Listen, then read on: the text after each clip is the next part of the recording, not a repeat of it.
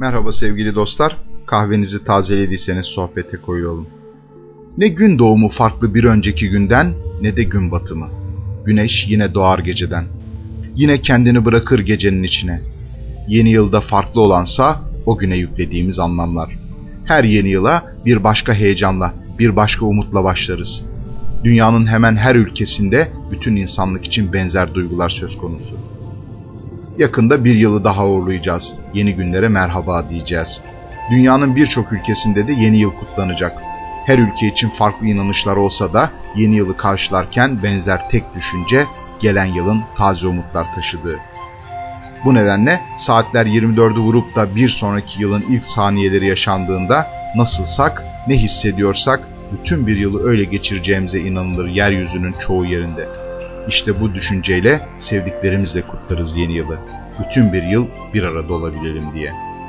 Bu davranış biçimleri dünyanın birçok ülkesinde aynı. Bunun yanında farklı inançlar da vardır yeni yılın gelişini karşılarken. Örneğin eski Romalılardan gelme bir gelenek bugün halen birçok Avrupa ve Latin Amerika ülkesinde geçerli.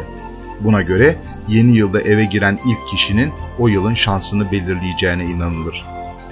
Kapıdan içeri ilk girenin koyu renk saçlı bir erkek olması da iyi şans olarak değerlendirilir.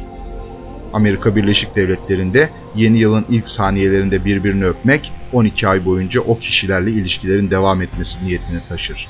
Aynı ülkede yılbaşı sofrasına börülce yemeği konulmasının iyi şans ve para getirdiğine inanılır.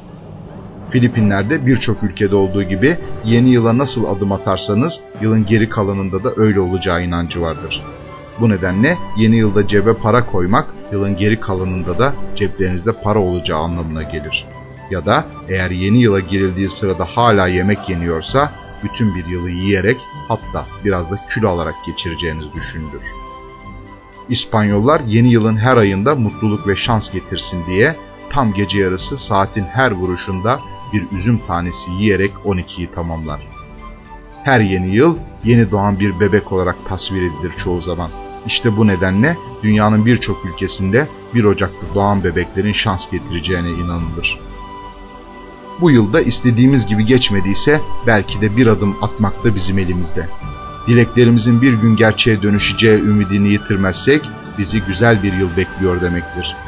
Dünyanın her yerinde olduğu gibi yeni yıl yeni umut demektir. Bir dahaki buluşmamız 2009'da.